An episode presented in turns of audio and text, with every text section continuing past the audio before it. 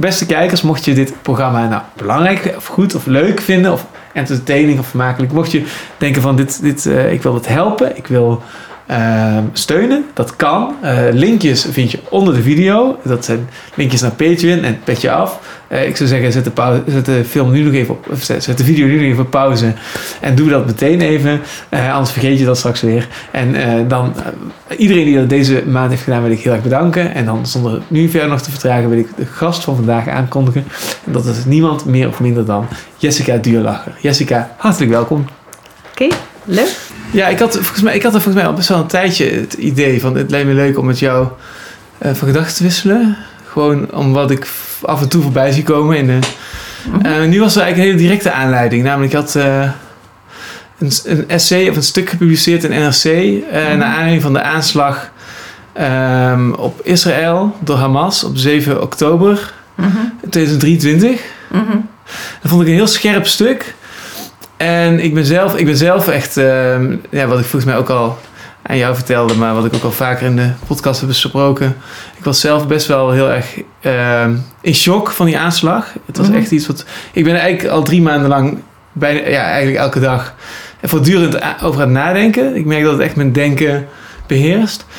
En ik vond het stuk heel scherp. Dus ik dacht, het lijkt me goed om langs te komen. En dat als aanleiding te nemen om een gesprek te hebben daarover. Of misschien over alles wat je in het stuk aanraakt. En uh, misschien dat dat wat zicht, misschien voor mij, misschien mm -hmm. voor ons. En misschien zelfs voor een luisteraar, wat zicht in deze mist laat doen ontstaan. Dus dat was mijn plan. En uh, mm -hmm. dat brengt mij hier. Mooi, goed, fijn. Ja, nee, het is fijn om een keer over te praten. Want ik heb natuurlijk wel al een, een, een avond in de Bali over, uh, over dit onderwerp gehad. En dat ging dus niet de kant op die ik wilde. Um, maar wat ik over dat stuk nog kan zeggen is natuurlijk de, dat het voortkwam uit een ongelooflijke ongelukkigheid natuurlijk met wat er gebeurd was. En het, en het feit dat, je, dat ik me niet meer durfde uh, uit te spreken. Dat ik, ik voelde, of ik durfde het wel, maar ik dacht, um, het is zo uh, het is zo beladen en het is zo groot. En hoe krijg ik mijn weerzin en uh, geschoktheid uh, naar buiten? Want dat lukt eigenlijk niet. Want er zijn zoveel mensen die, die het gaan ontkennen. Of gaan bekleinen, ver verkleinen, belittelen. Of, en die met ja maar komen, vooral dat. En, en die in die ja maar eenzaamheid die ik voelde, die moest op een of andere manier eruit. Ja. En de directe aanleiding om het te schrijven was uiteindelijk um, iets anders. Het was, het, was, het was natuurlijk 7 oktober, maar het, daar, daarop volgden natuurlijk verschrikkelijk veel reacties. En eigenlijk is de reactie van mijzelf de frustratie, de frustratie en het ongelukkige daarover. Hè? De, de, de, de, de oproep van Ramzi Nasser, dat vond ik heel moeilijk om te verdragen. Ja, dat was zelfs op tv, toch? Ja. Uh, de, volgens mij eerst ja. een stuk daarover geschreven en daarna op tv. Ja. En de strekking was, we kennen de namen van de slachtoffers van Israël... maar waarom kennen we de namen niet van de slachtoffers van ja. uh, Palestijnse zijde... of van Gaza specifieker dan? Mm -hmm. Dat was een beetje de strekking, hè? Ja. Of sla ik nu iets belangrijks over? Nou, dat was, dat was de strekking, maar het was ook... Um, Israël doet allemaal verschrikkelijke dingen en uh, iedereen sterft uh, en, en niemand. Uh, en alle, alle slachtoffers die in Israël zijn gemaakt, die, die worden um, door de Israëlische en de buitenlandse pers onanonimiseerd. Terwijl alles wat in Palestina, de Palestijnse zijde gebeurt, is anoniem. En dat is alleen maar. En, en gigantisch groot. Uh, eigenlijk suggestie van uh, Nasser uh, veel groter. En nou ja, dat. De, de, de, de, het onrecht daarvan valt heel moeilijk te communiceren. Want het, het, is, het, het, het, het is ontegenzeggelijk heel erg naar en gruwelijk als er bombardementen vallen. Dat kan je helemaal niet ontkennen. Ja. Dus als je dat gaat doen, dan ben je natuurlijk een monster. Mijn afsch- afschuw over zijn reactie. Met, want er zat heel veel stellingen, natuurlijk allemaal pre, eh, eh, premisses. Hè, waarmee hij daarover praatte. Maar de premisses waren, eh, waren leugens. Ja. en daar gaat het om. Alle gijzelaars, alle doden uit Israël en Europa hebben hun namen gekregen. Hun familieleden en vrienden zijn gehoord hier op tv, in de krant. Hun levens, dromen, idealen zijn ons bekend voor altijd. En ik vind dat terecht. Wel heb ik een vraag. Hebben Palestijnse levens eenzelfde waarde voor ons? Kennen wij ook de namen van hun dode baby's, hun vernederde grootouders en vermoorde kinderen? Kennen wij hun individuele dromen, vrienden, schoolrapporten? Palestijnse levens worden doorgaans per aantal genoemd. 48 doden, 1200 gewonden. Geen namen, maar nummers. En dit geeft aan hoe wij ons mededogen verdelen. Want ook Palestijnen worden levend verbrand. Ook Palestijnse dorpen kennen pogroms, uitgevoerd door Israëli's. Palestijnse kinderen worden gemarteld, zitten jaren gevangen zonder aanklacht of hulp. En dit gebeurt generatie op generatie al meer dan 75 jaar. En misschien zijn we daardoor immuun geworden. Het zijn voor ons geen mensen, het is verzameld leed. Houd het dan nooit op. Maar voor mij is het familie. En ook ik denk, houd het dan nooit op. Alleen heb ik het over de blinde steun aan een voor mij overduidelijk systeem van apartheid en etnische zuivering. Kun je de kern beschrijven van waarom je juist zo aanstoot nam aan, aan, aan ehm, Ramzi Nasser, die dat dan zegt?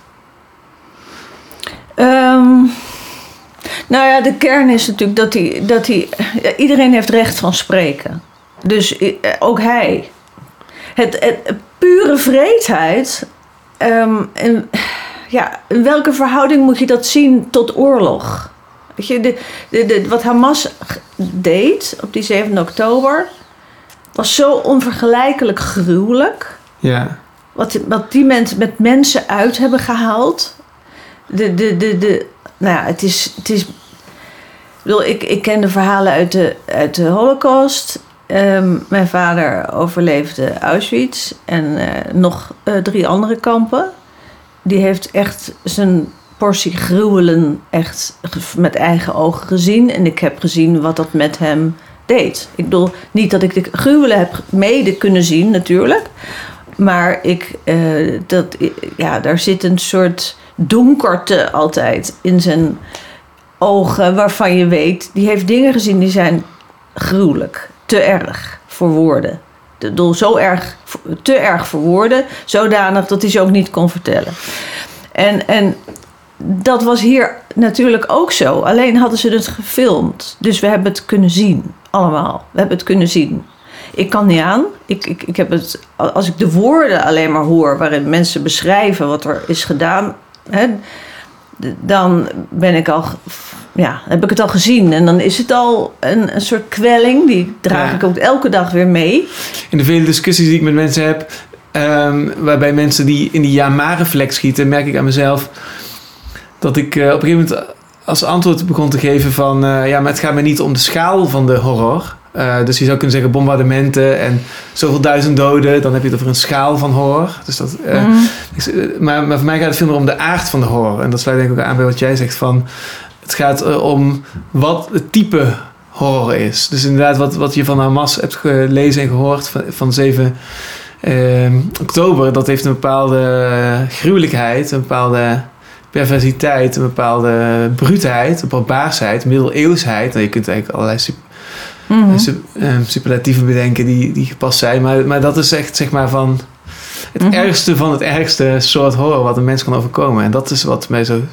En niet, wat kan over, niet alleen wat kan overkomen, maar ook dat er mensen zijn die dingen, die dingen doen. Maar en in de ja-maar-discussie gaat het natuurlijk over een soort van... eh, ja, we moeten naar de context kijken. Hè? Ja, En eh, dat deed Nasser natuurlijk ook. De honderden jaren van, of in ieder geval 75 jaar eh, pure onderdrukking ehm, en onrecht. En En elke keer maar die aannames van dat onrecht en de vluchtelingen en die cultus van het vluchtelingschap, wat de Palestijnen natuurlijk sowieso heel erg koesteren. En waarvan ik denk van hoezo? Hoezo moet je mensen die altijd eh, geholpen worden en waarom moeten dat vluchtelingen blijven heten als ze overal uh, door het Midden-Oosten zijn verspreid? Uh, mijn, mijn, vader was ook een vluchteling. Heeft hij zich ooit als zodanig nog geafficheerd? Of nee, natuurlijk niet. Je, je, je moet op een gegeven moment door de geschiedenis je verplaatsen. Dat is heel vreed, dat is heel erg. Maar vervolgens, na 75 jaar, zijn, is, het, is, het, is het stof neergedaald. Ben je dan nog een vluchteling? Ik vind eigenlijk nee, je moet je bestaan proberen op te bouwen en, en, iets van te maken. Goed, en wat hebben de Palestijnen in, zeker in Gaza gedaan? Op een ongelofelijke manier alleen maar geijverd voor een kolossale opstand. En, en, en, en, en een weerzin tegen de Joden die om hen heen wonen.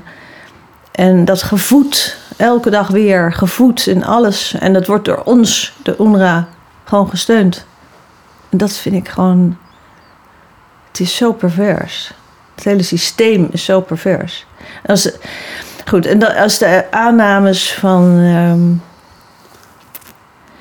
Nasser, die gaan daarover natuurlijk ook. over de, over de, het onrecht op de Palestijnen. En ik zie ook wel dat er verdriet en ellende is. Natuurlijk is dat zo. En, en, het gruwelijke van die bombardementen, ja, dat is onvoorstelbaar. Ik bedoel, mijn, mijn vader ook weer heeft ook het bombardement van Rotterdam uh, overleefd. Zijn huis was ingestort. Ik, ik bedoel, het zijn allemaal dingen die zijn super traumatisch.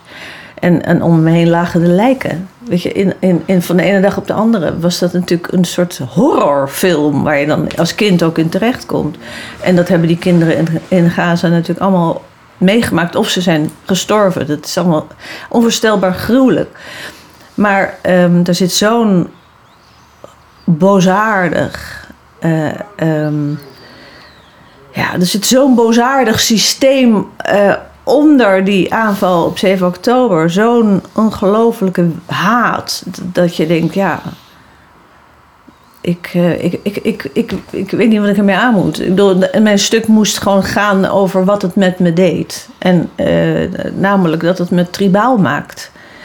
Nou, nee, terwijl je dat, dat is iets wat je van huis uit meekrijgt. Dat je dat niet te veel moet proberen te zijn. Het is, het is iets primitiefs. En het, die primitiviteit hè, van tribalisme, van uh, ik sta voor mijn groep en ik ben tegen die andere groep, dat is iets heel afstotends eigenlijk. Iets wat je eigenlijk rationeel en ook gewoon cultureel verwerpt. En door datgene wat er gebeurde op 7 oktober en de reacties daarop en het vergoelijken daarvan, van, van de meest gruwelijke gruwelen, ja, dat, dan, dan, dan, daar, dan komt het tribalisme terug. En als het al in mij terugkomt, die toch, weet je, door allerlei dingen, door, door opleiding en boeken lezen en, en een heel lief land wonen en god weet wat, zo, als, als het bij mij al opkomt, kan je nagaan wat het all over the place aan tribalisme oproept. Het is gewoon aan alle kanten verschrikkelijk. Hoe verklaar jij eigenlijk voor jezelf die ja-maar-reflex bij mensen die zo zichtbaar werd na, na die aanslag? Want ik, het is ook eigenlijk mijn meest opvallende trouwens. Misschien dat ik er even kort even over moet vertellen. Dat was ook mijn, mijn uh, grootste observatie van die dagen. Want mm. ik, ik denk dat het komt omdat ik door wie ik op Twitter volg en wie ik niet wie ik heb ontvolgd. Maar ik had eigenlijk binnen een uur, binnen een paar uur, had ik volledig zicht op die situatie. Ik zag gewoon live action via Twitter die, eh, die, die, die dag zich voltrekken. En toen zag ik ineens. Eh, um, en toen zag ik vervolgens, wat ik vervolgens zag was die Yamar-reflex. Mm. En toen zag ik de reactie van Israël. En toen ging ik later met met mensen praten. Onder andere, de vorige aflevering was met Laura van Dolron, die heel erg begaan is met het lot van eh, Palestina en met het lot van Gaza. En ik schrok een beetje van haar, uh, van hoe, hoe, hoe weinig zij wist van, de, van, van, van Israël en hoe weinig ze wist van Palestina en van de geschiedenis. En ik schrok ook een beetje van haar. eh, ja, dat ze eigenlijk alles op een gevoel baseerde. Eigenlijk op het gevoel wat Nas, Ramzi Nasser dan aanspreekt. Van, Mhm. het, is, het voelt zo erg dat er zoveel mensen sterven door een bombardement. Hè? Ehm, en, en toen legde ik haar diezelfde vragen voor. En zij zei eigenlijk van nee, maar het was eigenlijk andersom. Het was omdat Israël zo reageerde. Daarom gingen, gingen we... Gingen we Yama, ging ik Yama in de Yama-reflex. Ja. Ja, maar dat komt omdat zij zo snel en zo agressief in die wraak schoten... dat het aan het zicht ontrokken werd, ook door hen zelf. Nu zit ik daar weer met een paar weken afstand terug, naar terug te kijken. En ik heb inmiddels weer veel research gedaan. En ik denk van nee, het was niet zo. Er was heel duidelijk al een Yama-reflex voordat de reactie van, van Israël er was. En Laura van Dol maakte daar weer van nee, maar het was de verwachting van de reactie van Israël. We wisten wat, oh, wat zullen ze nou weer doen? En, eh, Ja, maar ja, dat komt omdat je denkt... oh mijn god, wat gaan ze nu doen? Wat gaan ze Jij doen? misschien. Nou ja, dat was de sfeer daarna. De dreiging van het terugslaan, die was heel voelbaar. Dus, dus daar zag ik zo sterk die Mhm. live action, die copingstrategie zich voltrekken. Mhm. En ehm, dat lijkt ook een beetje, dat is even, ik maak het even praktisch om eh, gewoon even een voorbeeld van, van, van het gesprek wat, wat nu ook online staat. En ik, ben, ik ben heel erg benieuwd hoe jij, hoe jij daarnaar kijkt en hoe, hoe jij dat hebt ervaren die, en hoe je dat voor jezelf verklaart. Dat mensen in die reflex schieten van ja, maar we moeten het ook van de andere kant bekijken. Ja, nou ja, ik, bedoel, ik ben het in zekere zin wel gewend. Dat er altijd ehm, Israël als een agressor wordt gezien en als een. eh, en dat, eh, dat sowieso Joden en Israëli als een heel andere categorie binnen dat hele ehm, eh, racisme tab- hè, en, en antisemitisme. Antisemitisme hoort helemaal niet bij racisme. Of zoiets lijkt het wel Ja, in de hele discussie. Ehm, en Israël is gewoon altijd agressor. En je denkt, maar dat is al heel lang zo. Hè? Dat was natuurlijk een tijdje in de jaren 60, 70 nog een, eh, een, een, een, een, een, een kosherland voor, voor, de, voor de linkse elite. Gewoon omdat er natuurlijk, ja, er waren natuurlijk een paar dingen gebeurd, zoals de oorlog van 67 en nou, ook zelfs nog na 73, na de Yom Kippur-oorlog. Want het was zo duidelijk, dat kleine landje dat aangevallen werd door de buitenwereld... dat, dat men dat eh, als, als underdog kon waarderen, dat men terugsloeg. Maar daarna is het al vrij snel misgegaan eigenlijk in de, in de, in de publieke opinie... met eh, de, de mening over Israël. En ik weet nog dat toen ik klein was, dat ik woonde in Amstelveen. En dat er dan één straat verder zat iemand. En dat was de baas van het Palestina-comité. En dat we daar dan met een boog omheen liepen. Omdat dat toen natuurlijk ook al leefde en speelde. En, ehm, maar dat was toen heel duidelijk iets waar, waar ook nou, niet de, de, de, de, de mainstream en de media zich mee identificeerden. Maar nu wel. En ehm, dat is heel, heel hard, vind ik. is dat de verandering? Dus de verandering is eigenlijk dus onder intellectuelen en eh, in, in een bepaalde binnencirkel was het al veel langer gangbaar. En nu sluit de mainstream eh, zich daarbij aan. Is dat, is dat wat er veranderd is? Nou ja, weet je, heel veel mensen spreken zich uit tegen de underdog. Dat is gewoon een soort Pavlov-reactie. En ze denken ehm, puur op inderdaad onderbuikgevoel dat Palestijnen dat, eh, die underdog zijn. En, en eh, dat, dat er, er is onderdrukking en dat woordje koloniaal valt nu ineens. Het volkomen onzin is natuurlijk. Het kolonialisme is een heel andere bron. En een hele andere. eh, het is iets heel anders. Ja. En, en, en Israël heeft gewoon een land ja, ontgonnen. Ja. Maar goed, ik, wil, ik, Ja, ik weet wel hoe de redenering in elkaar zit, want ik heb me er behoorlijk in, eh, in verdiept. Ja. En vol- volgens mij is het allemaal onderdeel van de. Inderdaad, eh, wat in progressieve linkse kringen in academisch nu circuleert. Dat is eigenlijk vanuit, eh, het, vanuit het postmodernisme, vanuit de gedachte dat. ehm, ehm, de intersectionaliteit, dus eh, dat is eigenlijk dus eh, dat leed zich plaatsvindt op de intersecties van. Dus je hebt zeg maar, je kunt een eh, zwarte man zijn. Dat is dan, dan zit je in die onderdrukkingspyramide een tree onder een, bijvoorbeeld een witte man. Maar als je een zwarte vrouw bent, dan zit je daar nog een tree onder. Als je op die manier kijkt naar een soort Mhm. Dat je alles een soort, als een soort piramidespel, heel plat, heel eendimensionaal eh, Mhm. eh, benadert. Dan zeggen de mensen die vanuit... eh, Is dat, is, dat, is dat de definitie van nou, intersectionaliteit? nee, dus, dus ja, dus de, dat is niet de definitie, maar dat is hoe ik het, hoe ik het praktisch zou maken. Dus je, Ja, precies, je gaat zeggen van, oké, dus je, je kijkt naar die kruispunten. Dus, dus als je zeg maar een, eh, een zwarte man bent, dan, eh, dan zou je ook solidair kunnen zijn met bijvoorbeeld een vrouw. Want een, want een vrouw kent op dezelfde manier. Onderdrukking van mannen, zoals een zwarte iemand van. En op die manier maak je al die knooppunten. En, en een soort zwaankleef aan van mensen die zich onderdrukt voelen. En dat is denk ik ook de verklaring waarom ook uiteindelijk iemand als Greta Thunberg, die heel erg voor het klimaat gaat, zich ook betrokken voelt bij Gaza. Omdat dat helemaal die theorie is. Dat je dus ja, met elkaar solidair bent in je leed. theorie. En, Ja. dan, dan is de volgende stap, omdat dit, dit volgens mij eh, uit de academische wereld van Amerika komt, dat daar is eigenlijk de, de gedachte van Amerika van. Ehm, nou, dat is ooit, ooit woonden hier Indianen. En toen kwamen de Europeanen, die hebben dat allemaal, die hebben al die Indianen verdreven. En dat is het koloniale. eh, als je het heel simpel zou vertellen, ik zou het zelf niet zo simpel vertellen, maar dat is dan de theorie. Ehm, en dus in die intersectionaliteit moet je eigenlijk solidair zijn met anderen onderdrukten. En op Ja. die manier krijg je een associatieve verwantschap met Ja. de Palestijnen en met eh, de, de originele bevolking bijvoorbeeld van Amerika, de Indianen en de indigenous people. En dus, dus op die manier kun je zeg maar eh, een theorie creëren waarbij je zegt van nee, maar Israël, dat zijn settler colonialists. Ja, maar... eh, En dat is, dat is volgens mij de, in de notendop de theorie waar, dat is de waar die kritiek op maar dan, dan ga je voorbij aan het feit dat er natuurlijk ook Joden woonden. Ja, dus En het, ook al het gaat voorbij aan alle complexiteit van, van, Ja. van die grond, toch? Ik bedoel, het is, het is, het is, ja, als je het er ook maar enigszins in gaat verdiepen, dan zie je dat het...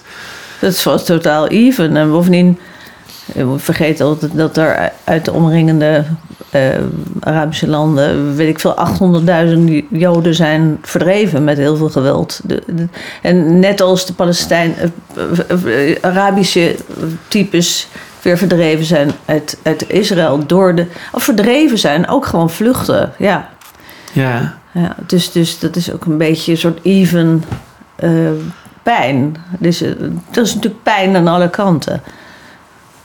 Maar goed, ehm, wat wil je nou ook weer daarover horen? Want we hadden het over die kolonialisme gedachten en het, Nou, en het, en het vastgekleefde associatieve van, van wat, wat je, waar je het net over had. Dat- Nou, ik heb er bewust even in hangen, omdat ik het dus interessant vind. Ik denk, als ik nou eventjes zeg maar, die, die kant van het gesprek re-enact.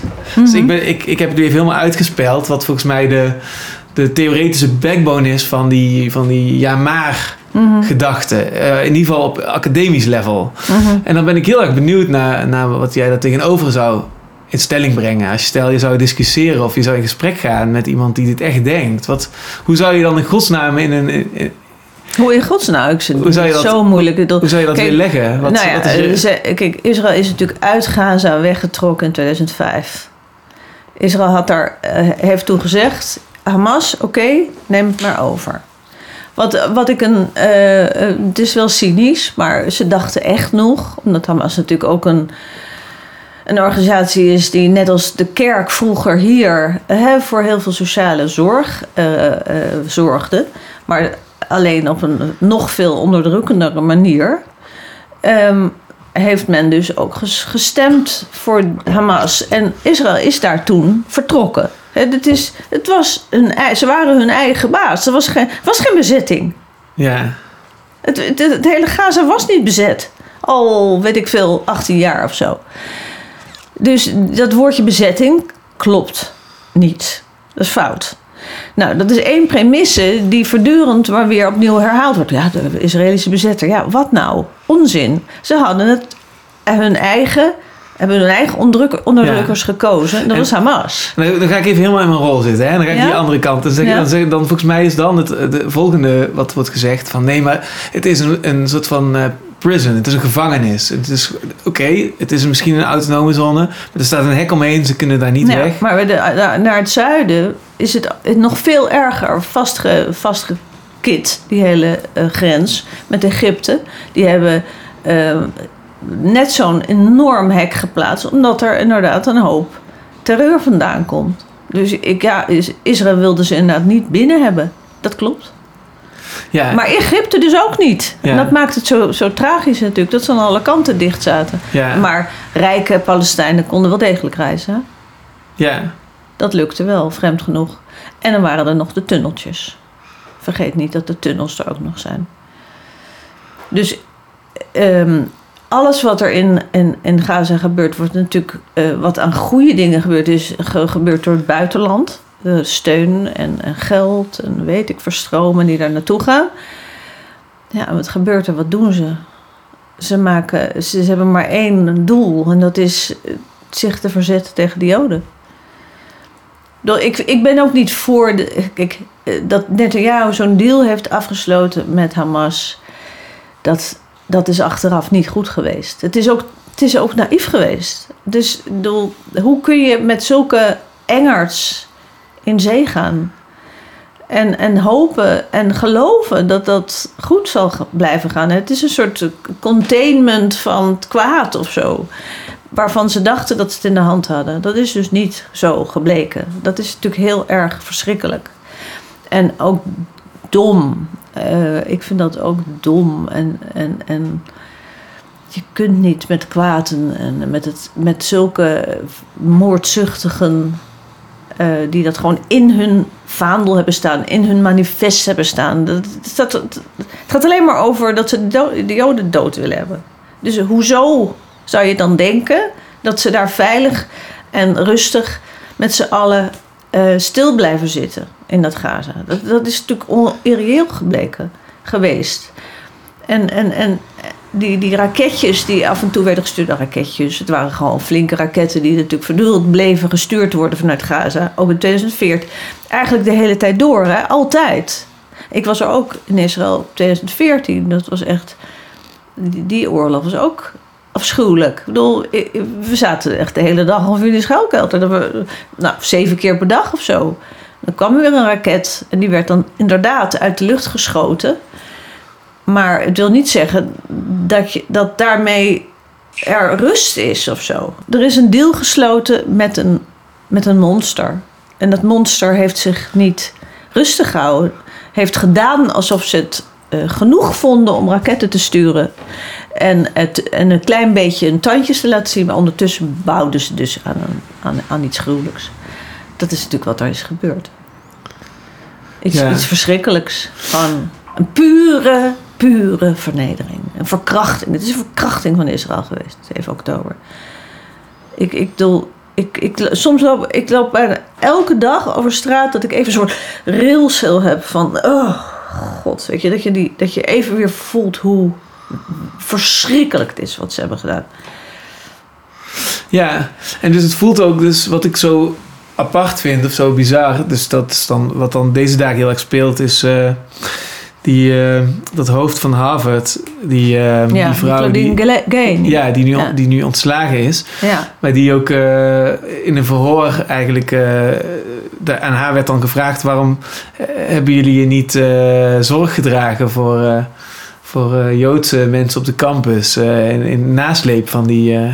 Dat er zoveel pro-Palestijns geluid, pro-Gazaans geluid eh, vandaan komt. En waarom er zoveel activisme is, pro-Palestijns activisme op de campus Ja. is.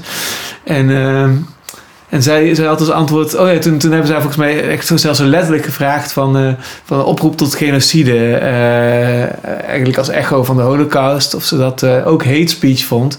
En toen zei zij van... Ja, dat hangt van de context af. En dat is volgens mij waardoor het balletje ging rollen. Toen is ze... op een gegeven moment is er plagiaat naar boven gekomen. En dat heeft haar uiteindelijk tot Ja. haar ons- ontslag geleid. En... ehm, eh, Maar dat, van die context, dat zei die McGill, hè? Oh, oké. Misschien Ja. vergis ik me dan. ja, Ja, dat is die, dat is die ja. andere vrouw. Ja, die ook ontslagen werd, is. Ik weet niet wat de voornaam is, maar die, eh, dat, dat, dat was haar, haar Klaus, zeg maar. En, eh maar Claudine Gay, die ging daar gewoon in, in, in Ja. mee, Ms. McGill, at Penn, does calling for the genocide of Jews violate Penn's rules or code of conduct? Yes or no? If the speech turns into conduct, it can be harassment, yes. I am asking specifically calling for the genocide of Jews. Does that constitute bullying or harassment? If it is directed and severe or pervasive, it is harassment. So the answer is yes. It is a context dependent decision, Congresswoman. It's a context dependent decision. That's your testimony today. Calling for the genocide of Jews is depending upon the context. That is not bullying or harassment. This is the easiest question to answer yes, Ms. McGill. So is your If testimony if that it- you will not answer yes? If it uh, is, if the Yes speech or no? becomes, if the speech becomes conduct, it can be harassment, yes. Conduct meaning committing the act of genocide? The speech is not harassment? This is unacceptable, Ms. McGill. I'm going to give you one more opportunity for the world to see your answer. Does calling for the genocide of Jews violate Penn's co- code of conduct when it comes to bullying and harassment? Yes or no? It can be harassment. The answer is yes. And Dr. Gay, at Harvard, does calling for the genocide of Jews violate Harvard's rules of bullying and harassment? Yes or no? It can be, depending on the context. What's the context? Targeted as an individual, targeted as, at an individual. It's targeted at. Jewish students, Jewish individuals. Do you understand your testimony is dehumanizing them? Do you understand that dehumanization is part of anti Semitism? I will ask you one more time. Does calling for the genocide of Jews violate Harvard's rules of bullying and harassment? Yes or no? Anti-Semitic rhetoric. When it And is it anti Semitic con- rhetoric? Anti-Semitic rhetoric, when it crosses into conduct that amounts to bullying, harassment, intimidation, that is actionable conduct, and we do take action. So the answer is yes, that calling for the genocide of Jews violates Harvard Code of Conduct, correct? Again, it depends on the context. It does not depend on the context. The answer is yes, and this is why you should resign. These are unacceptable answers across the board. En wat ik interessant vind nu jij zegt van ja, het is een verkrachting van Israël. En eh, die ook echt eh, koude rillingen, elke dag weer de koude rillingen bezorgt. Dan, ehm, dan vind ik het, als je te zeggen, die analogie giet. Dan, dan is het interessant dat eigenlijk in, op het wereldtoneel het victim blaming-achtige reflex veroorzaakt is. Dat je zeg maar op microniveau diezelfde academici eh, meteen erbovenop zitten van nee, maar dit is victim blaming. Dat, je mag nooit de, de, de, de, de ja, dat, daar de slachtofferschap omdraaien. En dat dat nu op zo'n grote schaal precies andersom gebeurt. Dat is zo ironisch aan die situatie. Ja, en dan is het dan, eh, wat het extra ehm, bizar eigenlijk ook maakt, is dat het ook zo'n ongelofelijke eh, agressie- was eh, jegens vrouwen. Hè? Ja, Ik bedoel, die hele ehm, toch wel islamistische, ehm, echt eh, gruwelijke mm, dat, eh, weerzin en neerkijken op vrouwen, dat is zo vertaald in agressie door, door Hamas. Dat is, en, dat, en, dat die, en femicide is, was altijd een groot onderwerp, overal. Nou, behalve nu. Dat maakt het ook zo wrang. Dat juist twee vrouwen, de bazen van Harvard, niet helemaal alleen al daarom eh, de, die kant hebben bekeken, in ieder geval. Tot zich door hebben laten dringen wat zich daar heeft afgespeeld. ja. En hoe verklaar je dat? Als je daarover gaat nadenken, van hoe kan dat? Dat is eigenlijk Nou, gewoon een en- en interessante niet- vraag zelfs. Nou, dat, dat vind ik echt het ergste. Dat er gewoon. ehm, kijk, kijk, Israël is toch het. Even terug. Israël is, een, is een, in principe een democratisch eh, landje in een heleboel. ehm, toch volkomen dictatoriale en, en, chaotische eh, eh, omgeving. Hè? Een, landje, klein, klein pareltje van democratie en vrijheid. En ik bedoel, kijk naar al die ongelofelijke ehm, demonstraties de afgelopen, het afgelopen jaar. Die, bedoel, dat was allemaal mogelijk. Weet je? En, en je kunt gay zijn, je kunt alles doen waar je zin in hebt. Je bent gewoon een vrij mens in Israël. Nou, en je kunt zeggen wat je wil. En die, die, die vrijheid ehm, maakt ook dat er een, eh, bepaald ehm, waarheidsgehalte moet zijn eh, als het landje zich uitspreekt over dingen, dat je daar, daarin gelooft. Dat je, dat je denkt, wat zij zeggen, dat is dezelfde taal die wij spreken als het Westen zijn. Als, je, als je gaat over, kijkt naar de dialoog en, de, en het gesprek tussen het Westen en Israël, zou je denken dat zijn gelijkwaardige stemmen. Die hebben de, kennen dezelfde taal, die spreken dezelfde taal. Wat gebeurt er? De, de, de taal van eh, pure terreur en terroristen, Hamas en de leiding van Hamas, die wordt in zekere zin op één lijn gescha- geschaald als zo'n democratie die wij dus zouden moeten herkennen. Dus de, de teksten van Hamas, de, de, de, verklaringen van Hamas, die worden met precies, misschien nog wel wat meer geloof ehm, eh, geaccepteerd dan dat landje wat men zou moeten herkennen. Dus als er eh, eh, na, die hele toestand filmpjes naar buiten komen dat het Israëlische leger, de IDF, met zoveel voorzichtigheid eigenlijk om mensen hun ja, om mensen niet te beschermen, hun privacy te beschermen. Zo mondjesmaat hebben ze die Hamas-beelden naar buiten gebracht om journalisten in te lichten. Wat gebeurt er? Het wordt niet geloofd. Ja, ik heb zelfs eh, begrepen dat, eh, dat, eh, dat grote prominente nieuwsoutlets zoals NOS en de Volkskrant niet eens zijn gaan o- opkomen dagen bij een, bij een viewing. Ja, dat was het verhaal dat ze niet kwamen. Dat, is, dat is zo, ja. Nou ja, ik, ik wil niet al te eh, direct zijn, maar ik heb mijn stuk aanvankelijk naar de Volkskrant gestuurd. Oh ja. Toen nog eens een eerste versie was van 3000 woorden. Dat is erg lang voor een eh, stuk. Dus dat, ik begreep wel dat dat wat korter moet. Maar daarin somde ik nogal vrijmoedig de gruwelen op. Die gewoon op beeld door, eh, door Israël vrij waren gegeven. De Hamas-beelden. En de Volkskrant, die wilde daar toch wat meer bronnen over. eh, van, meer van de herkomst van de bronnen Ja. weten. Alsof ze het niet geloofden. Hoe kun je de verslaggeving en de, en de, en de, en de propaganda van Hamas... hoe kan je die gelijkstellen aan die van Israël? Ik vind dat... Ja. Eh, want ik hoor het ook wel eens om me heen van vrienden van... ja, het zijn natuurlijk twee kanten. En de ene vindt dit en de ander vindt dat. Ja, ik denk van twee kanten? Nee.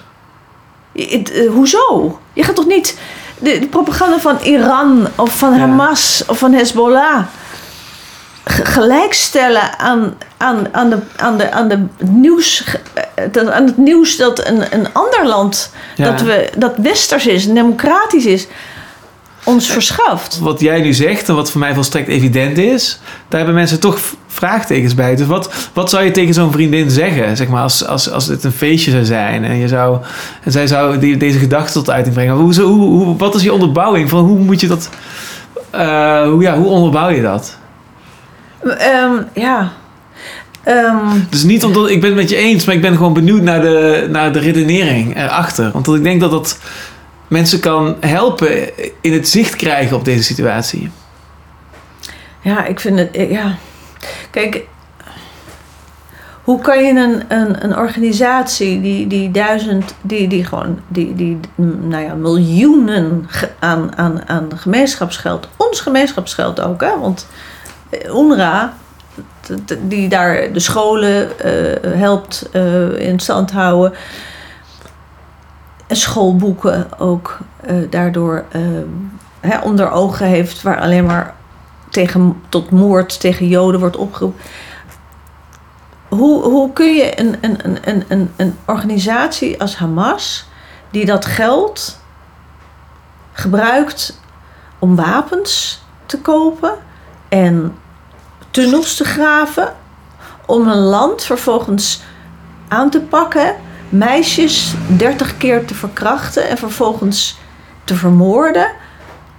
Eh, hoe kun je een land of een organisatie die dat soort dingen doet, die daar zo intrinsiek ehm, ehm, agressief eigenlijk bezig is, hoe kan je dat vergelijken met een eh, met Israël? Ik bedoel, met Israël dat ik zie als een land dat zich verdedigt. Altijd moet verdedigen en niet anders kan dan verdedigen. Ik bedoel, ehm, en dan ga ik nu even voorbij, en dat is natuurlijk de, zwakte, de zwakte in mijn verhaal, dat er een bezetting is van de Westoever. Ehm, en dat er kolonisten zijn waar ik ook niet van houd en waar ik ook gek van word. Dat, dat, want dat is fundamentalisme, dat is opnieuw dat zieke geloof. Ja. Van beide kanten is daar, is, is daar iets fundamenteel fouts aan. Als je, dat is zo. En je, je, moet, je, moet, je moet zeggen als je het vervelend begint te vinden. Maar ik, ik heb zo die argumenten van de tegenstrever in mijn hoofd. Dat ik bijna dat mijn handen jeuken om ze, om, ze, om ze in jouw richting op te gooien. Ehm, dus volgens mij is er... Want, ik, want van de week eh, had ik een interview gelezen met de oprichter van... Of een, een van de initiatiefnemers in Engeland van Extension Rebellion. Ja. Ook zo'n fanaticus. Ja. En die had over de holocaust gezegd... Dat is just another fuckery. Zo een beetje bagatelliserend. Zo van...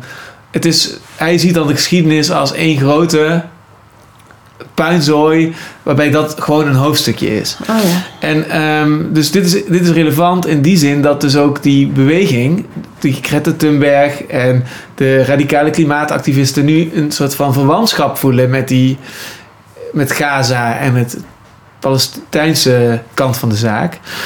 Ehm, maar ik probeer even zicht te krijgen op waar iemand het vandaan haalt om, om eigenlijk zo'n zo'n brute aanslag, zoals die aanslag van Hamas, te bagatelliseren. Om te denken van ja, maar Ja, Weet je wel, ik probeer maar dat, te- kijk, te het grote ik probeer te verschil- verplaatsen in iemand die dat in godsnaam denkt, snap je? Maar kijk, het ding is natuurlijk dat, ehm, en dat is wat ik inderdaad ook hoorde eh, toen dit was gebeurd.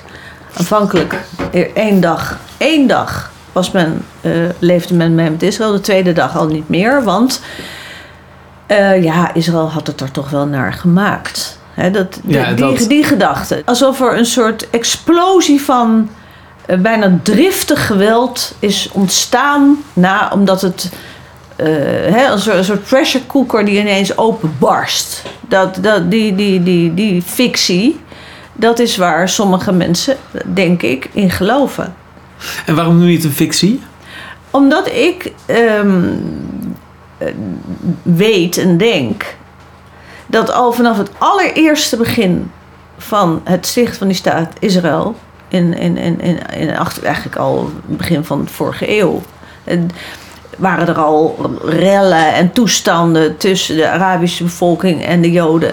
De- En, en de, ook de, de, de, de, de geïmporteerde Joden, dus de mensen die naar Israël gingen. Dat was al niet zoveel. Maar er woonden natuurlijk ook al heel lang Joden. En de, dat, die, die, die, die weerzin tegen de Joodse invasie is, is, is nou ja, ik heb er een aantal eh, wetenschappers over gehoord. Die was echt al in een heel vroeg stadium aanwezig. Ik bedoel, en in 48 is natuurlijk eenzijdig besloten door, door, door, door, de, door de Engelsen en ook wel door, de, door het heel Europa, door de Verenigde Naties geloof ik. En die toen besl- besloten dat het, eh, dat het een land zou worden dat in, twee stukken zou moeten komen. Een stukje Arabisch gedeelte en een Joods gedeelte. Nou, eh, alleen al dat was ondenkbaar voor de Arabieren. Dus vandaar dat die oorlog ook meteen een dag ongeveer na de, eh, het besluit dat, dat Israël zou bestaan. Is de dag daarna ongeveer was er al oorlog. Omdat ze het gewoon niet wilden. Ze wilden het niet en ze wilden, willen het nog steeds niet. Toen was er nog niet eens kolonialisme. Er was er nog helemaal niks gebeurd. Het was gewoon zoals het. Nee, want het hoort niet bij hun eh, geloof. Geloof en die, die dictatoriale manier om, om je geloof te beleiden, die zit hieronder. Ik bedoel, Hamas is een, een, een, een, natuurlijk door Iran ge, gebekte club. En Iran, wat wil Iran? Een, een, een sharia. Gisteren zag ik een meme voorbij komen. Ehm, die vond ik zelf wel heel scherp. Misschien gaat hij er wel met gestrekt been in. Maar ik ben wel benieuwd eh, naar of, je, of je erin kan vinden. Ik ga hem even zoeken. Ehm, ja, hier. Ehm, dus eh, dit is een citaat. Um, Gaza is precisely what the Western left says it hates. A racist, sexist, homophobic, militaristic, anti-democratic, kleptocratic, dogmatically religious police state of science fictional inequity and oppression. And they, and they, verwijzen naar links, love it more than anything in the world. Ja. Zit daar wat in? Of is het te, te grof geformuleerd? Nou, nee, het is, dit is natuurlijk wat het is. Maar eh, het is natuurlijk, blijft natuurlijk een raadsel waarom mensen niet zien wat een, eh, ja, wat, hoe, hoe een, een, een, samenleving zoals Hamas, eh, zoals een staat geleid door Hamas, eh, het is toch totaal niet te rijmen met alle idealen die die jongens en meisjes hebben. Ja. Het is toch gewoon compleet onverenigbaar qua gedachtegoed. Dus ehm, alleen dat fundamentalistische van ehm, we vinden allemaal hetzelfde, dat, dat, dat, daarbij kunnen ze elkaar nu een handje schudden. Dat, dat is heel triest. Maar bedoel, hoe kan je, hoe kan je in, een, in een totale ongelijkheidsstaat waar een paar extreem rijke mensen die zich volledig hebben verrijkt, ook met, met gemeenschapsgeld, die eh, andere, die arme mensen laten creperen en, en, en een, af en toe een duitje toegooien. Hoe kan je zo'n soort eh, samenleving überhaupt serieus nemen als iets wat, wat, wat, wat te, ver- te beschermen? Of, waarom? Waarom? Hoe kan je zo kortzichtig zijn? En, en waar mensen worden als je, als je tegenstanders hebt, dat je die op een walgelijke manier martelt. En ik bedoel, homo's, eh, vrouwen, het is allemaal. Al die vrouwen in Gaza die daar met die zwarte jassen en die zwarte jurken rondlopen, allemaal bedekt en mogen niet eens bestaan. Er mogen moeders zijn en zoveel mogelijk zonen maken om, zodat ze weer kunnen offeren. Het, hoe kun je zo leven? En ik snap, dat mensen gaan leven.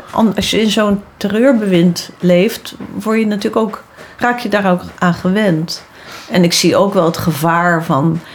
Als je maar voortdurend een tegenstander eh, als tegenstander ehm, eh, neerzet. En als iets wat walgelijk is, zoals de Joden. Dat dat gewoon, ja, dat gaat in je ziel zitten. Als je dat al hoort als kind. Dat, dat, dat gaat, dat, dat nestelt zich daar en dan komt er een oorlog. Nou, dan wordt het nog eens bevestigd. Dus het is echt super slecht voor alle kanten dat er nu oorlog is. Het is gewoon, het, het, het, het, verdeelt iedereen. Het is gewoon één grote shit. En ik denk dat, eh, dat, dat het antwoord op jouw vragen en jouw eh, retorische vragen van hoe kan, dat, hoe kan dat toch? Hoe, kan het toch? Ehm, het antwoord is dat mensen gewoon heel weinig weten van de situatie, hoe Israël is gesticht. Ja, dat wat is daarbij is, zo. wat, wat, Dat wat er allemaal bij is komen kijken. Nou, dat heeft een Eh, bepaalde en, en, eh, welke, welke geschiedenis dat Ja. weer heeft en zo. Ik denk dat. eh, Ik merk het gewoon in mijn omgeving als ik daar met mensen over praat. En de simpele versie, in karikaturaal, even karikaturaal gezegd, is van hoe kan het toch dat. dat hoe kan je als slachtoffer dader worden? Dat is eigenlijk de simpele gedachte, hè? Ehm, Ja, ja. En. eh, nee, wacht, ik zeg het even verkeerd. Maar Ja, nee, maar dat is, dat is inderdaad een idioot narratief. Ja, ja, precies. Maar dat is dus als je het niet weet, als je het niet leert, als je Ja. geen enkele geschiedenis hierover krijgt, is dat wat mensen gewoon zien. Ja. Dus dat is dus volgens mij aan, aan, aan jou of aan mij of aan anderen om op zicht te creëren op die situatie. Omdat je, dus mensen, mensen ze weten het gewoon niet. Mensen snappen het gewoon niet. Die snappen de situatie überhaupt niet. De premissen al niet. Nee, de, de, de bestaansrecht van de staat Israël, bedoel je dat? Ja. Dat, dat, dus ik heb het idee dat mensen dat al niet snappen en al niet aannemen. Nee. Dus, dus, dus ik zoek naar het, de huistuin- en keukenvariant die je in drie zinnen kan uitleggen aan mensen. Nee, Want er het is waren dat. natuurlijk talloze mensen eh, die stateloos waren na de oorlog. Hè? Dus alleen al dat was natuurlijk een, het gevoel dat er, dat er een land was waar ze konden zijn. En toen was er nog niks. Het was gewoon een land na de oorlog, direct na de oorlog. Dus dat is voor 48. Dus mensen gingen dus uit zichzelf naar dat land waarvan ze wisten, daar wonen nog meer Joden en misschien kunnen we daar veilig zijn. Er was nou niet bepaald een. ehm, nee, er dus er was net een. Ja, Europa was één grote pogrom tot die tijd, tot, in tot 45. Eh, Du- Duitsland had alle Joden van heel Europa bij elkaar ge- ge- gebracht en geprobeerd om zoveel mogelijk daarvan te vermoorden. Eh, Laten we niet vergeten dat dat is gebeurd. Uit alle landen. Ik bedoel, Rusland, de Tsjechoslowakije, ehm, Oekraïne. wat daar niet allemaal aan moord, gemoord is, dat is niet te geloven. En eigenlijk de hele 19e eeuw en 18e eeuw was er, was er natuurlijk... eh, Bij tijd en wijle was er weer eens een pogrom hier en daar. Dus in zekere zin was dat, die, dat 40, 45... was helemaal niet de enige Ja, moment van de geschiedenis dat er zo verschrikkelijk op moord, Joden werd gejaagd. Maar goed, ik bedoel, kijk, die hele geschiedenis van eh, al die oorlogen, eh, 67, 82, de Libanon-oorlog en dan 93, de Oslo-akkoorden. Het is natuurlijk allemaal bekend. Maar het lijkt alsof mensen het helemaal niet willen weten. Hoe dat in elkaar zit. Hoe die sequence Ja. is gegaan.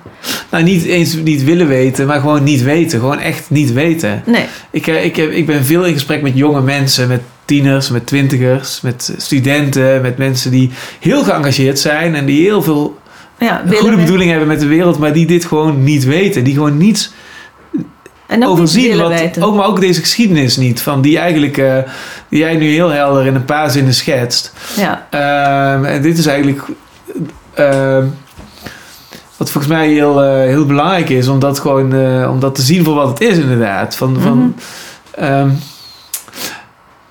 en hoe, hoe kijk je, laat me een vraag stellen, hoe kijk je dan naar die, die, dat, die, die, wat dat, dan in de straten en in stationshallen nu in Nederland, die, ehm, dat, dat Die from the river hè? to the sea gescandeerd wordt en dat Ik dat, alleen maar...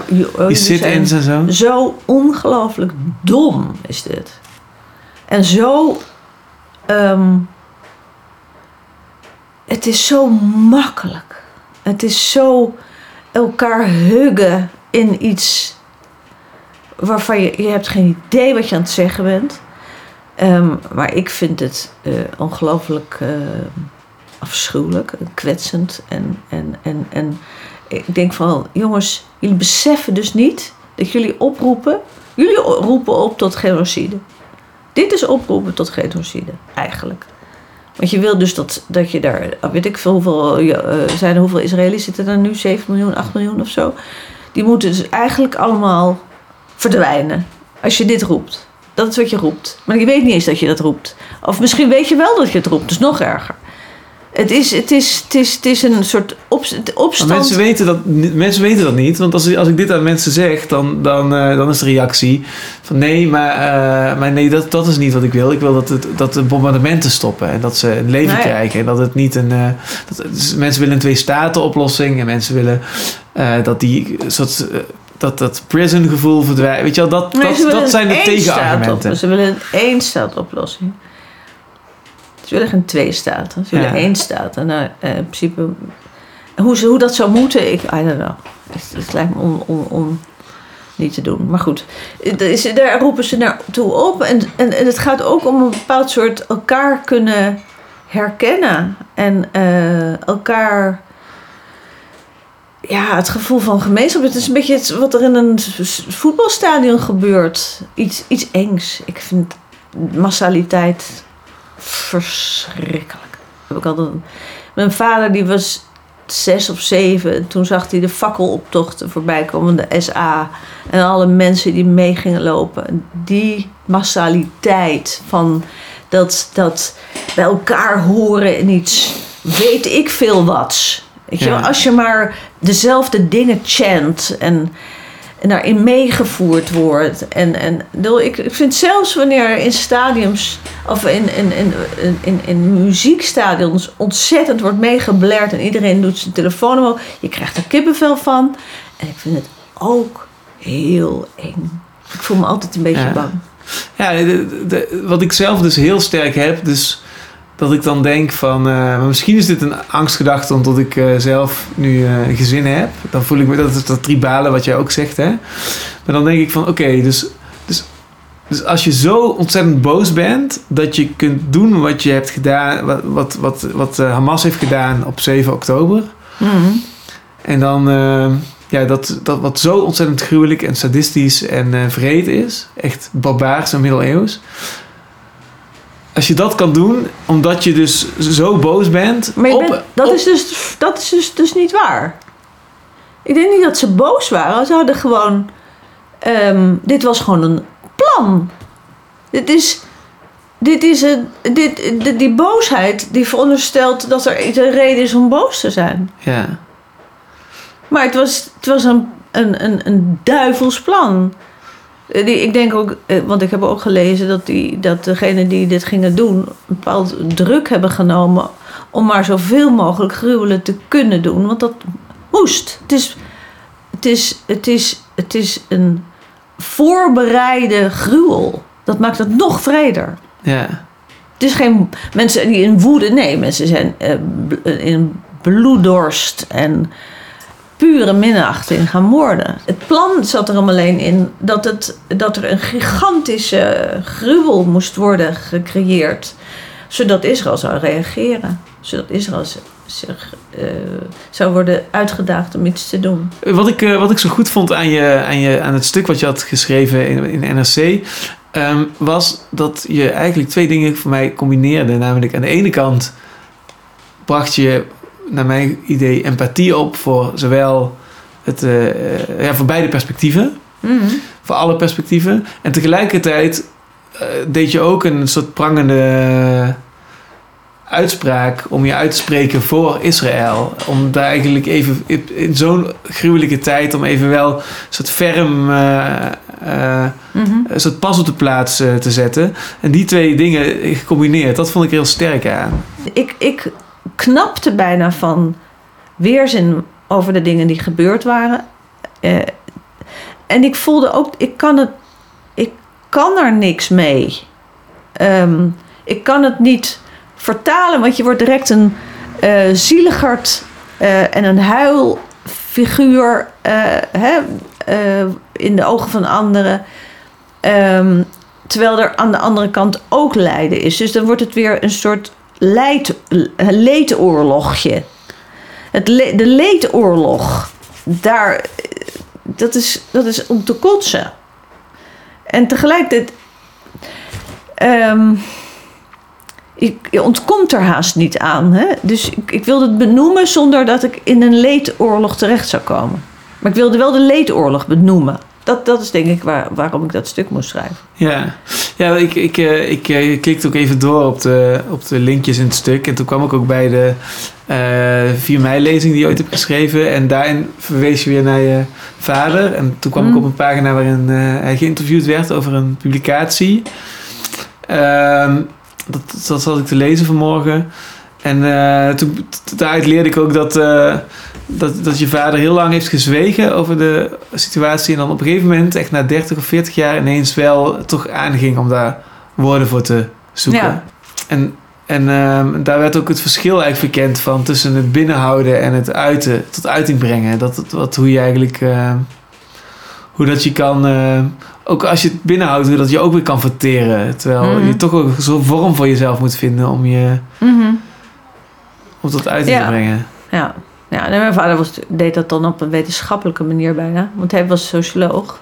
Dus dan ging die... eh, ehm, nou ja, die- uitzoeken waarom bepaalde dingen gebeurd waren. En, en, eh, en, en, en hij wilde eigenlijk een antwoord hebben op waarom overleven die mensen wel en die niet. En eh, uiteindelijk was zijn, na heel veel onderzoek, had hij maar één conclusie. En die zei dat was gewoon, het is toeval. Ja, is echt alleen maar toeval. Er zijn geen, eh, er zijn geen recepten voor of zo. ja, Of, of, of constantes. Eh, De enige constante die, die hij kon vinden in zijn groep, want hij was dat in een groep van, nou, ik weet niet, 15 jongens, eh, die allemaal in hetzelfde lager zaten. En die hebben het voor een groot deel overleefd omdat ze ehm, elkaar hadden. Eh, en omdat ze allemaal dezelfde leeftijd hadden, zo rond de 13, 14. En eh, omdat ze op een of andere manier een soort camaraderie hadden, waardoor dat hielp, kennelijk. Maar dat is ook niet helemaal waar. Weet je, dan zijn er weer allerlei uitzonderingen. Dus Ja. ik, er was, Eh, was ik- niks. In, is het de mens van Primo Levi? Zit op een gegeven moment zo'n scène van iemand die zichzelf dan aan het scheren is. En eh, elke ochtend. En dat eh, Primo Levi dan ook zo opmerkt dat hij dat eigenlijk verbazingwekkend vindt. Ja. Dat iemand, en dat is het antwoord van die, ik parafraseer even uit mijn hoofd. Ik weet niet, ik heb dat vier, vijf jaar geleden gelezen, dus ik weet niet helemaal meer. Maar ehm, iets in de richting van, dan zegt hij iets in de richting van, ja, maar als je dat niet meer kan opbrengen, wat, wat, voor, in wat voor wereld leven we dan? En wat ik dan een heel mooi, eh, echt heel mooi poëtische manier van antwoorden vind. En Ja. ik denk dat dat ook, dat, ehm, dat is eh, iets wat heel erg is bijgebleven bij mij. En een ander voorbeeld van, eh, van het boek wat erna komt van Primo Levi, Het Respijt, wat eh, eigenlijk om zijn omzwervingen gaat in de jaren na de holocaust. Dat hij eigenlijk nog één of twee jaar lang moet rondreizen voordat hij überhaupt thuis komt. Een soort totaal absurde odyssee. En dan ontmoet hij een Griek waar hij mee optrekt. En die heeft dan eigenlijk, nou, dan, dan is, dan is, is de meest gruwelijke gebeurtenis van de menselijke geschiedenis is net misschien een paar weken, een paar maanden ligt achter je. En dan zit hij op een marktplein al, is hij een soort vrolijke hosselaar, die Griek.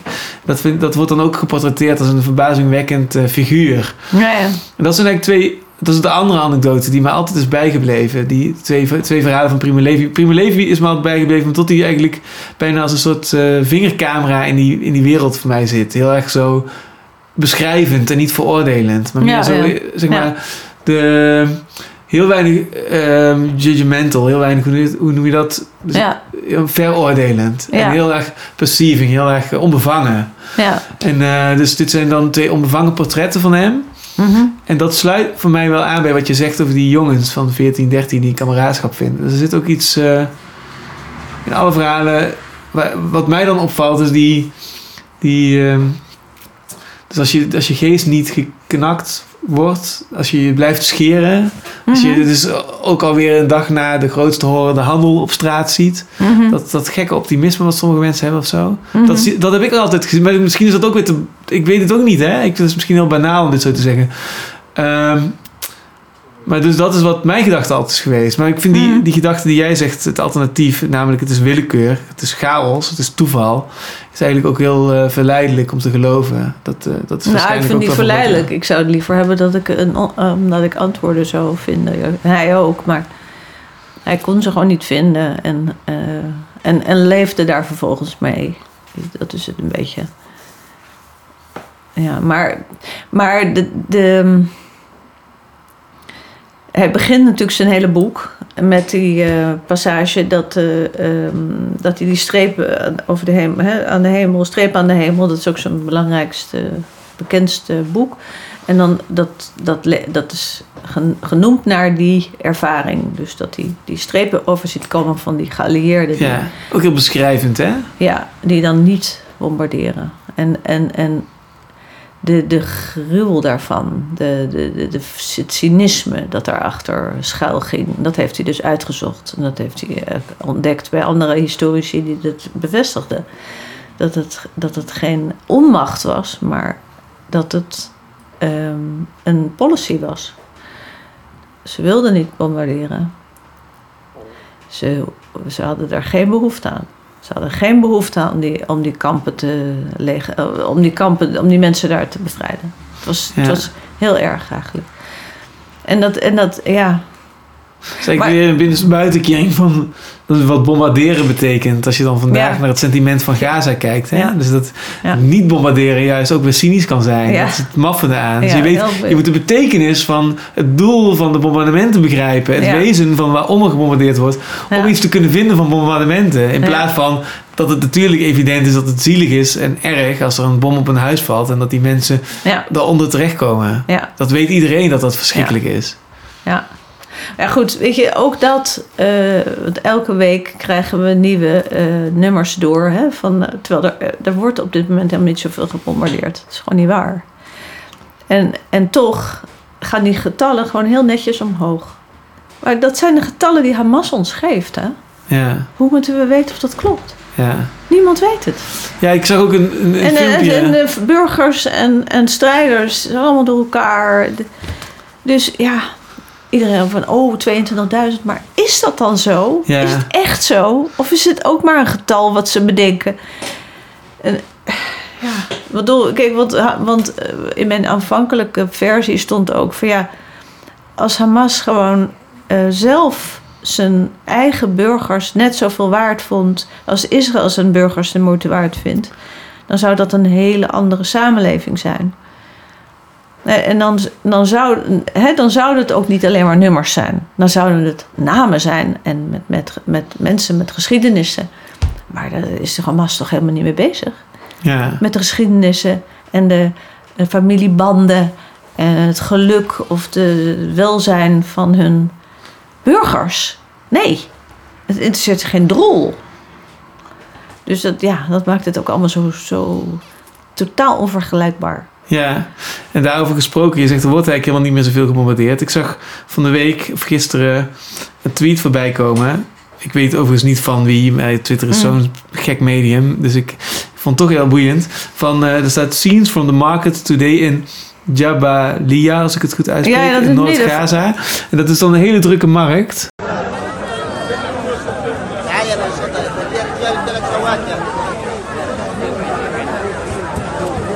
En dan schrijft iemand erboven, en dat vond ik heel geestig eigenlijk, het soort ironische knipoog.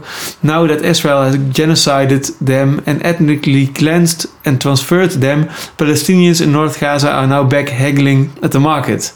Dus dat is natuurlijk een ironische Ja, verwijzing naar het, naar Ja. het verwijt van, oh, ja, eh, Israël is een genocide aan het plegen en is een etnische zuivering. ja. En, eh, en hij zegt eigenlijk van, nou, na de etnische zuivering keert iedereen weer vrolijk terug naar de markt. Ja, ja, En dan zie je eigenlijk, ja, daar zit eigenlijk zoveel in die, ja. in die. Maar dat, provocatie dat of in die mag grap. niet. Kijk, dat lees jij. En jij zit in een bepaalde bubbel dat je dat soort dingen krijgt. Ja, En in andere bubbels krijg je dat natuurlijk niet. Dan krijg je alleen maar de, de, de beelden van allerlei dode, blo- bloederige lichaamsdelen.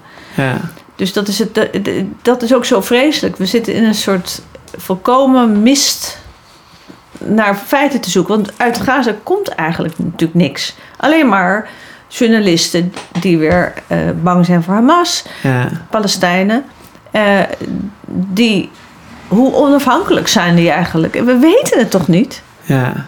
Ja, nee, maar dat, dat, dan, zijn we, dan is de cirkel weer rond, want dat brengt mij hier. Want ik, ik, ik zoek ook eh, zi- zicht in die, in die mist. Ja, En dat vond ik, eh, daarom vond ik dat, daarom verwijs ik nu al meerdere keren naar het stuk. Omdat ik dan vond, ik vind dat je dat eh, met veel empathie en met veel begrip voor alle betrokken partijen toch hebt verwoord. Met vanuit een prangende wens om het perspectief van Israël wel echt te, te, gronden. Mhm. En een soort pleidooi daarvoor te houden. Mhm. En dus misschien kunnen we daar tot slot nog even over nadenken. Van wat, wat zou je kunnen verwoorden voor die mensen die net die zo in de war zijn? Eh, eh, ja, hoe, hoe, zie jij, eh, hoe zou jij zicht creëren in deze mistige situatie?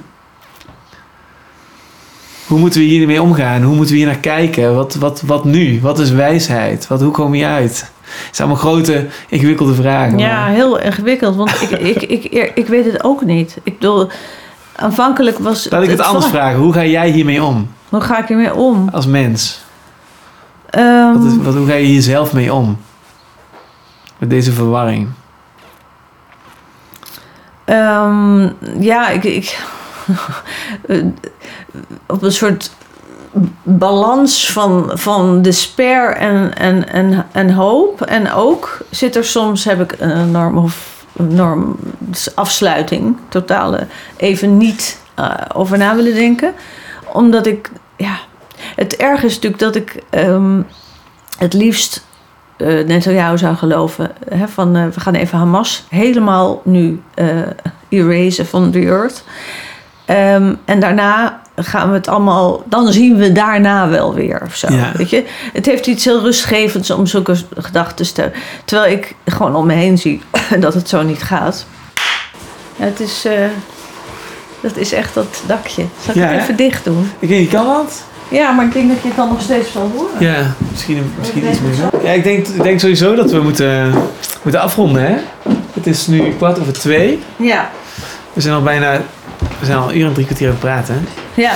Ehm, ja, Maar god, hoe gaan we hier godsnaam een strikje in leggen in dit gesprek, hè? Ja, nou, er is natuurlijk niet echt een. een, een, een eh, Nee, nee, er zit niet echt een conclusie aan natuurlijk. Nee. Het is, het is meer dat er een, een ehm, dat we hebben vastgesteld dat er een, eh, een hoop misverstanden bestaan. En dat er, maar dat er ook een, een zodanige complexiteit bestaat, zeker over, over deze materie, dat, er, dat het ook niet gek is Ja. dat er eh, zo ontzettend veel eh, misverstanden bestaan. Maar ik hoop wel met heel veel hoop. Ehm, en ja, dat, dat kijk, dat bijvoorbeeld de, de, de, de, zienswijze van Amerika en, het, en de steun vanuit het Westen, die er nog steeds is voor het beleid van Israël. Ik, ik, ik, ik vind dat. Ik, ik ben daar heel blij om dat dat dan nog steeds is. Maar dat die, ik, ik hoop dus ook dat dat, dat dat doordringt waarom dat is. En, en, en dat, er, dat er een bepaald soort.